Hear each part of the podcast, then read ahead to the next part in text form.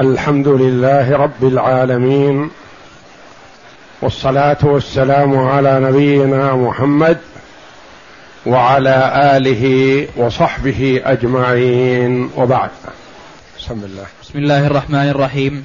الحمد لله رب العالمين والصلاة والسلام على أشرف الأنبياء والمرسلين نبينا محمد وعلى آله وصحبه أجمعين. قال المؤلف رحمه الله تعالى باب من له السدس. باب من يرث السدس. وهذا هو آخر الأبواب في الفروض المقدرة في كتاب الله جل وعلا. السدس. تقدم لنا أهل النصف وأهل الربع وأهل الثمن وأهل الثلثين وأهل الثلث وأهل السدس. النصف ونصف نصفه ونصف نصفه. والثلثان ونصفهما ونصف نصفهما. وهذا السدس. والفروض المقدرة نصف وربع وثمن. وثلثان وثلث وسدس. وكل فرض من هذه الفروض له أناس. وقد يأخذ الوارث فرضا منهما منها فإذا حجب عنه أخذ ما دونه. وقد لا يأخذ غيره إن تيسر له.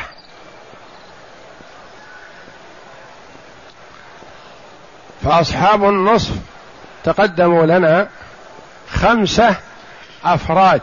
انتبه للفرق بين خمسة أفراد وبين سبعة من العدد.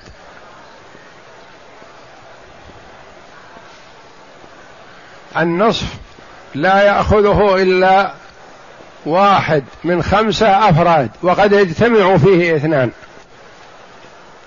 قد يجتمع اثنان من أصحاب النصف كل واحد يأخذ نصف. فرضا. والربع أصحابه اثنان. والثمن واحد.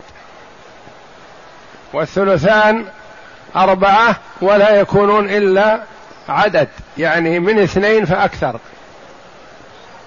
الثلثان ما يأخذه واحد.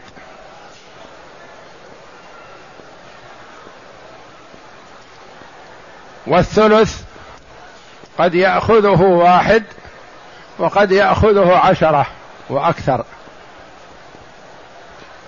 والسدس بعضه مقتصر على واحد وأحيانا يأخذه عدد.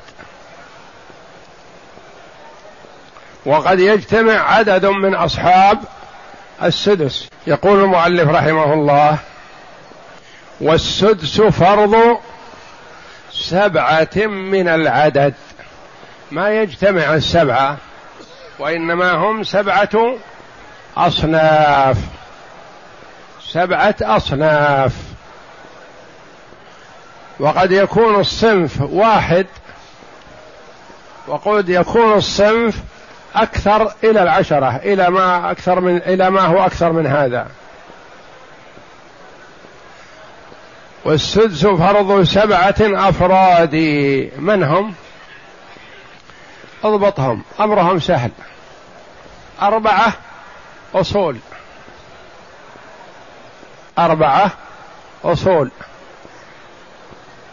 وواحد فروع. واثنان حواشي. الأصول أربعة. وهم الأب والجد والأم والجدة. هؤلاء أربعة. واحد صنف واحد من الفروع وهي بنت الابن فأكثر مع من هو أعلى منها.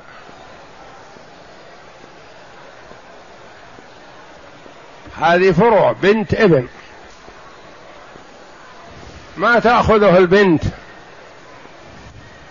وإنما تأخذه بنت الابن ولا تأخذه بنت البنت لأنها من ذوي الأرحام.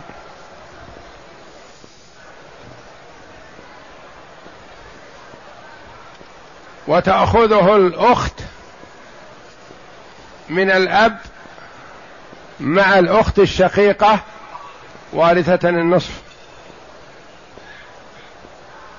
ويأخذه ولد الأم. يقولون في الفرائض الأخت لأب الأخت الشقيقة الأخ لأب الأخ الشقيق. لكن في الف... في ولد الأم يقال ولد الأم لأنه سيان ذكر ولا أنثى.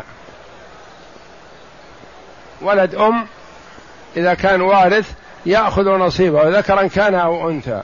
أولاد أم ثلاثة ذكور وأربع إناث أو أقل أو أكثر سوا سوا ولد الأم بحسب عددهم. والثلث كما تقدم لنا بينهم بالسوية.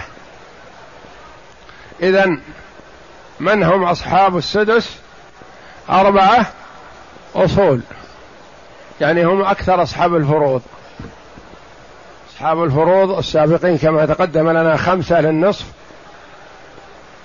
واثنان للربع واحد للثمن وأربعة للثلثين وثلاثة أو اثنان للثلث. الأم وولداها وقد يشاركهم الجد أحيانا. وأصحاب السدس سبعة.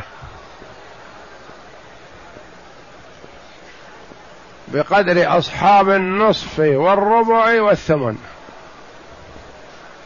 أصحاب النصف والربع والثمن سبعة.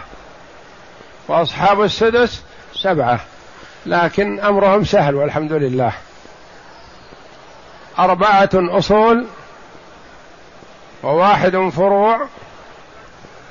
واثنان حواشي والأصول معروفون. الأب والجد والأم والجدة والحوا والفروع بنت الإبن وإن نزلت. مع بنت أعلى منها. والحواشي الأخت لأب مع الأخت الشقيقة. لأن الأخت الشقيقة تأخذ النصف وهذه تأخذ السدس تكملة الثلثين.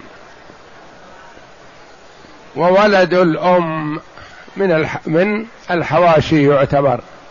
ليس من الأصول ولا من الفروع لأن أصحاب الإرث أصول وفروع وحواشي وأجانب. الأجانب الزوج والزوجة يعني ليسوا من القبيلة والمعتق أو المعتقة والبقية من الأقارب. والسدس فرض سبعة من العدد سبعة أصناف. أب الأب يأخذ السدس بشرط وجودي وهو وجود الفرع الوارث. ذكرا كان أو أنثى فإنه يأخذ السدس فرضا وإن بقي شيء مع إناث الفرع الوارث يأخذه تعصيبا ولا يأخذه بالفرض. والأب ما يكون إلا واحد. وأم والأم تأخذه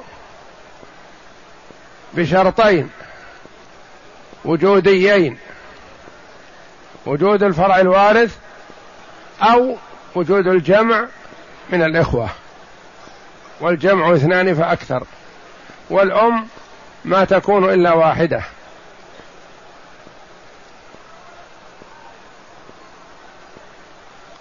والجد وهو أبو الأب وإن علا بشروطه وسيأتي له باب مستقل باب الجد والإخوة. فهو يحل محل الأب أحيانا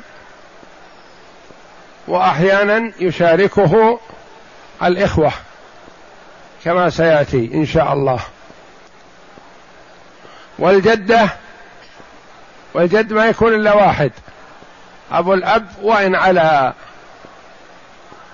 والجدة تكون واحدة وتكون اثنتين وثلاث ولا تزيد عن ثلاث. ثلاث يعني من ثلاث جهات من جهة الأم ومن جهة الأب ومن جهة أبي الأب. وهذا محل خلاف. وتشترك الثلاث إذا اجتمعنا في السدس بشرط أن يتساوين. أما إذا كانت إحداهما قربها والأخرى بعدا فإن القربى تأخذ السدس والبعد لا تأخذ شيئا. مثل مثلا أم الأم. أم أم. وأم أبي الأب. تأخذ أم الأم فقط لأنها أقرب. درجة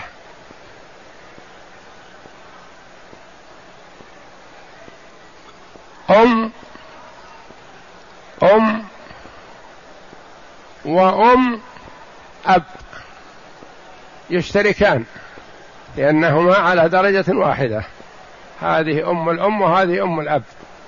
وأم الأب وأم الجد ما ترث معهما لأنهما أقرب منها.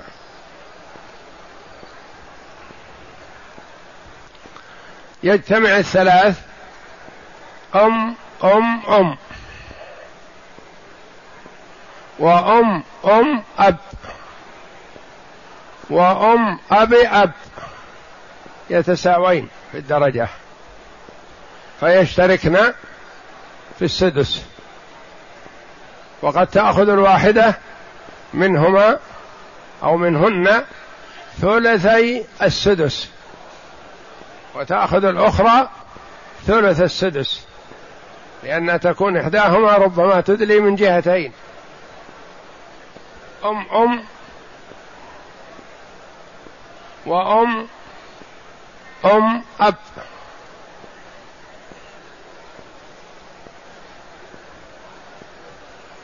فهؤلاء الأربعة الأب والجد والأم والجدة. هؤلاء يسمون أصول لأنهم لأن الميت فرع عنهم من أولادهم. وبنت الإبن. هذه الخامسة وهي من الفروع وسميت فروع لأنها من أولاد الميت. فرع عنه. وهذه تستحق السدس بشرط أن يكون معها قبلها بنت أو بنت ابن أعلى منها أخذت النصف. فتأخذ هي هذه السدس. وهذه قد تشترك قد يشترك فيه مجموعة. اثنتان ثلاث خمس عشر خمسة عشر يشتركن في السدس. إذا هلك هالك عن بنت وعن عشرين بنت بنات أبناء أباؤهن خمسة لكل واحد منهن منهم أربع بنات أو خمس بنات فقد يشتركن فيه إلى الثلاثين. يأخذن السدس. لأنهم قد لا يكن بنات ابن واحد بنات أبناء. قد يكون للرجل مثلا عشرة أبناء ماتوا في حياته وكل واحد منهم خلف خمس بنات. كم يكن؟ خمسين. يشتركن في السدس. يكون خلف بنت واحدة وخمسين بنت ابن. وتأخذ البنت النصف وتأخذ بنات الابن السدس تكملة الثلثين يشتركن فيه. والباقي لأولى رجل ذكر. لأن هؤلاء البنات آباؤهن ماتوا ولا كان ما يأخذن شيء مع آبائهن. والأخت من الأب تأخذ السدس وقد تكون عدد. قد يكون خمس سبع عشر. خوات من الأب للميت أبوهن واحد وهن من أمهات شتى. قد يجتمعن مثل بنات الابن. عدد كثير. يكون للرجل عدد من الزوجات ولكل زوجة عدد من البنات فيكن أخوات للميت من أبيه مع أخت واحدة منهن شقيقة فتأخذ الأخت الشقيقة النصف ويشترك الأخوات لأب وإن كن عشرين أو أكثر في السدس تكملة الثلثين. السابع ولد الأم بشرط أن يكون واحد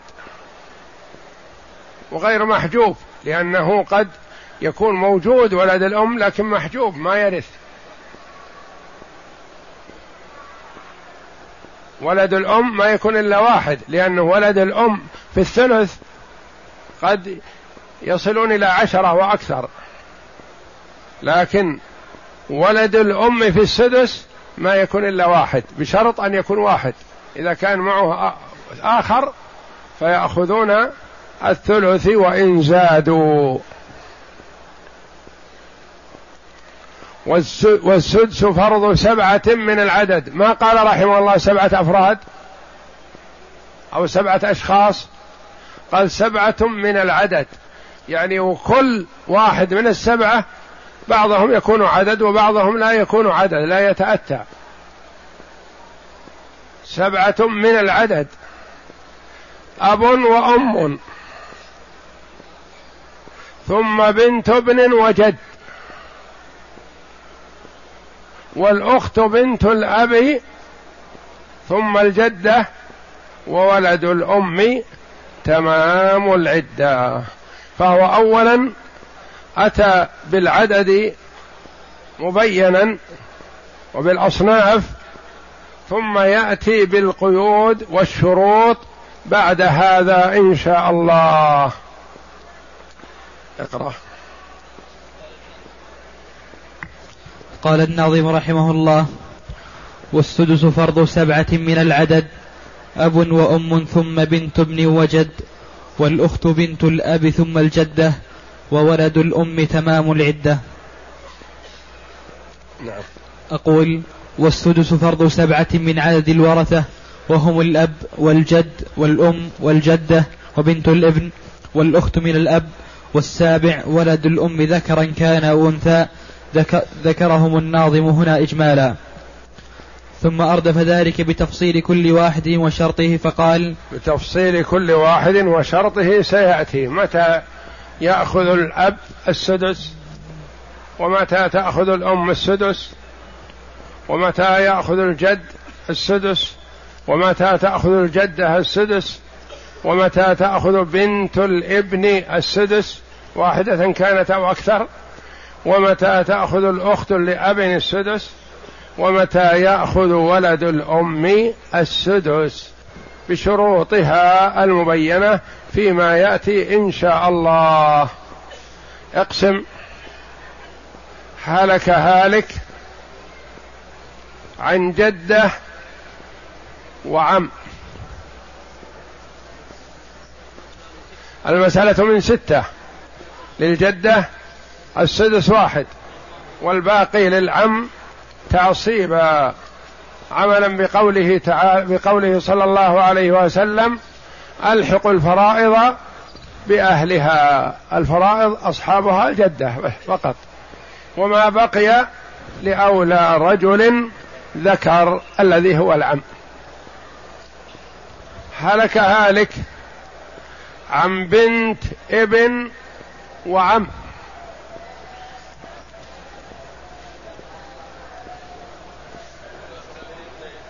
المسألة من اثنين أحسنت.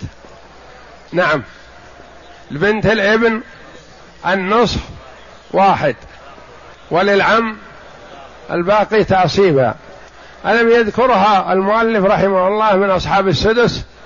رفعت شأنها وعليت مكانها. نعم.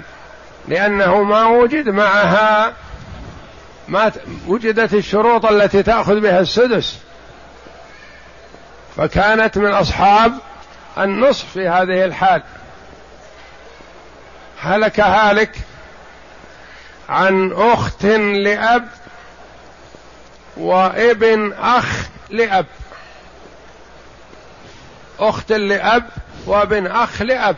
أخت لأب وابن أخ لأب. يعني ابن الأخ وعمته. المسألة من اثنين. للأخت لأب النصف واحد والباقي لابن الأخ لأب تعصيبا كيف أعطيتها النصف لأن سيأتينا أنها تأخذ السدس مع الأخت الشقيقة وارثة النصف هنا هي حلت محل الأخت الشقيقة وصارت واحدة من أصحاب النصف لأن قلنا والنصف فرض خمسة أفراد الزوج والأنثى من الأولاد إلى آخره. فأخذت الأخت النصف هنا لأنه ما وجد من يحرمها ويحجبها عن النصف فتأخذ السدس. هلك هالك عن أخ عن بنت وأخت لأب. بنت وأخت لأب. المسألة من بنت وأخت لأب. المسألة من اثنين. للبنت النصف واحد. وللأخت لأب الباقي تعصيبا ليست صاحبة فرض الآن. إذا الأخت لأب أحيانا تأخذ النصف فرضا. وأحيانا تأخذه تعصيبا وأحيانا تأخذ السدس وأحيانا تسقط. وهذا على قول الناظم رحمه الله والأخوات إن تكن بنات فهن معهن معصبات. فالأخت لأب هنا أخذت تعصيبا. هلك هالك.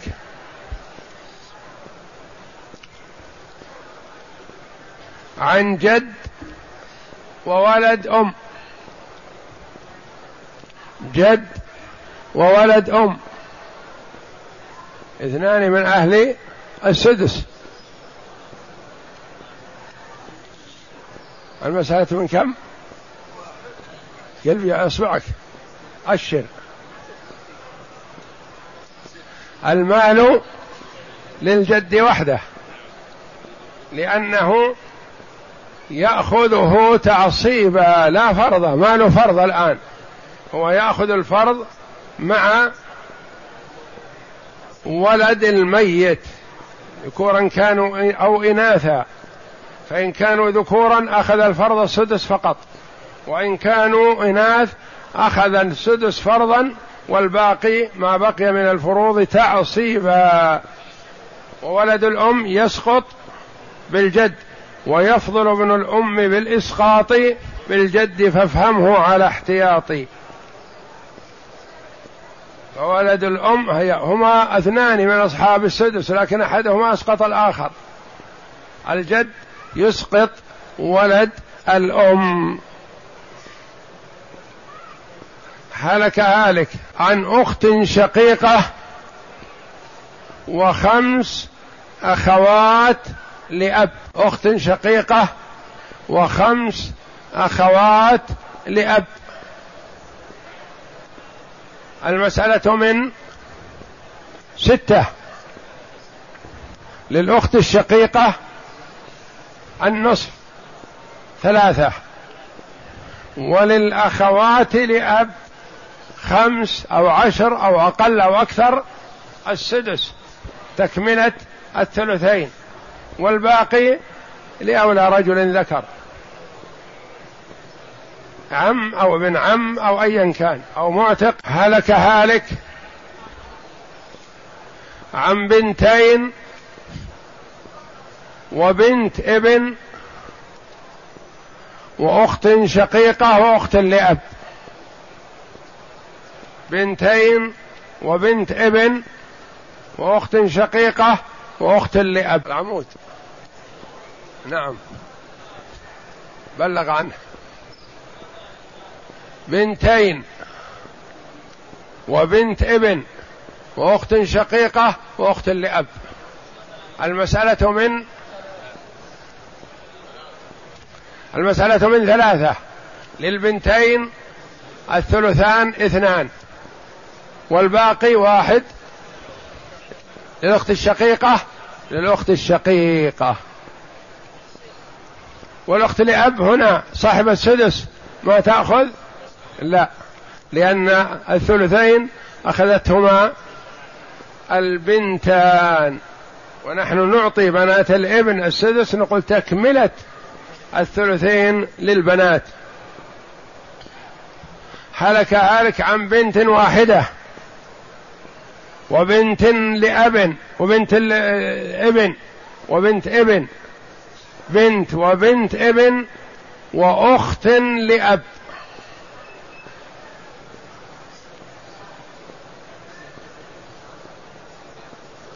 بنت وبنت ابن وأخت لأب.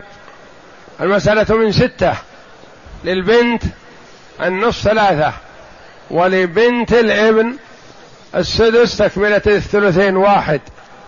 والباقي للأخت لأب تعصيبا والأخوات إن تكن بنات فهن معهن معصبات. هلك هالك.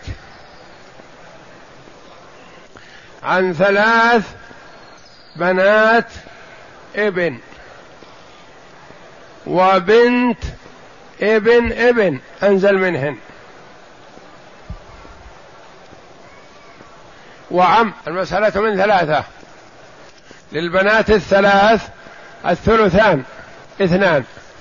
والباقي للابن العم أو للعم لأن البنات بنات الابن النازلة هذه ما تأخذ شيئا لأنها لأن الثلثين أخذتا. فيكون لأولى رجل ذكر. هلك هالك نفس المسألة إلا قليل. ثلاث بنات ابن وبنت ابن ابن وابن ابن ابن ابن أنزل منها كثير. وعم. المسألة من ثلاث من قل أربعة؟ وراك هذه أربعة ذي ثلاثة.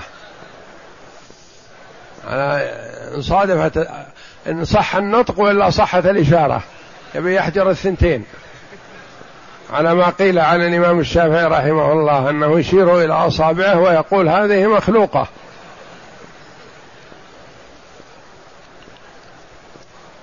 المسألة من ثلاثة. لبنات الإبن الثلثان اثنان. والباقي تأخذه بنت الإبن النازلة مع ابن الإبن الذي هو أنزل منها وهي بمنزلة عمته أو عمة أبيه. فتشترك وإياه للذكر مثل حظ الأنثيين. هلك هالك عن ولد أم وجدة ومعتقة. ولد أم وجدة ومعتقة.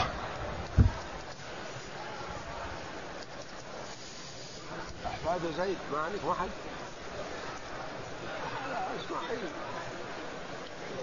نعم. كم؟ المسألة من ستة. لولد الأم السدس واحد. وللجدة السدس واحد. والباقي للمعتقة تعصيبا. هلك هالك. عن ولد أم وجدة وابن معتق وبنت معتق. ولد أم وجدة وابن معتق وبنت معتق أخوان.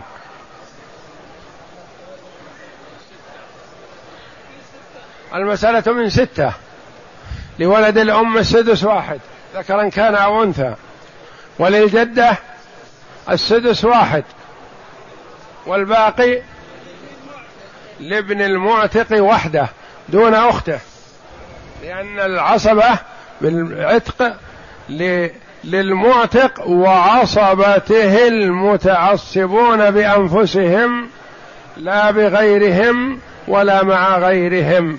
بنت المعتق عصبة بالغير وأخت المعتق عصبة مع الغير. وهؤلاء لا يرثن في عصوبة العتق.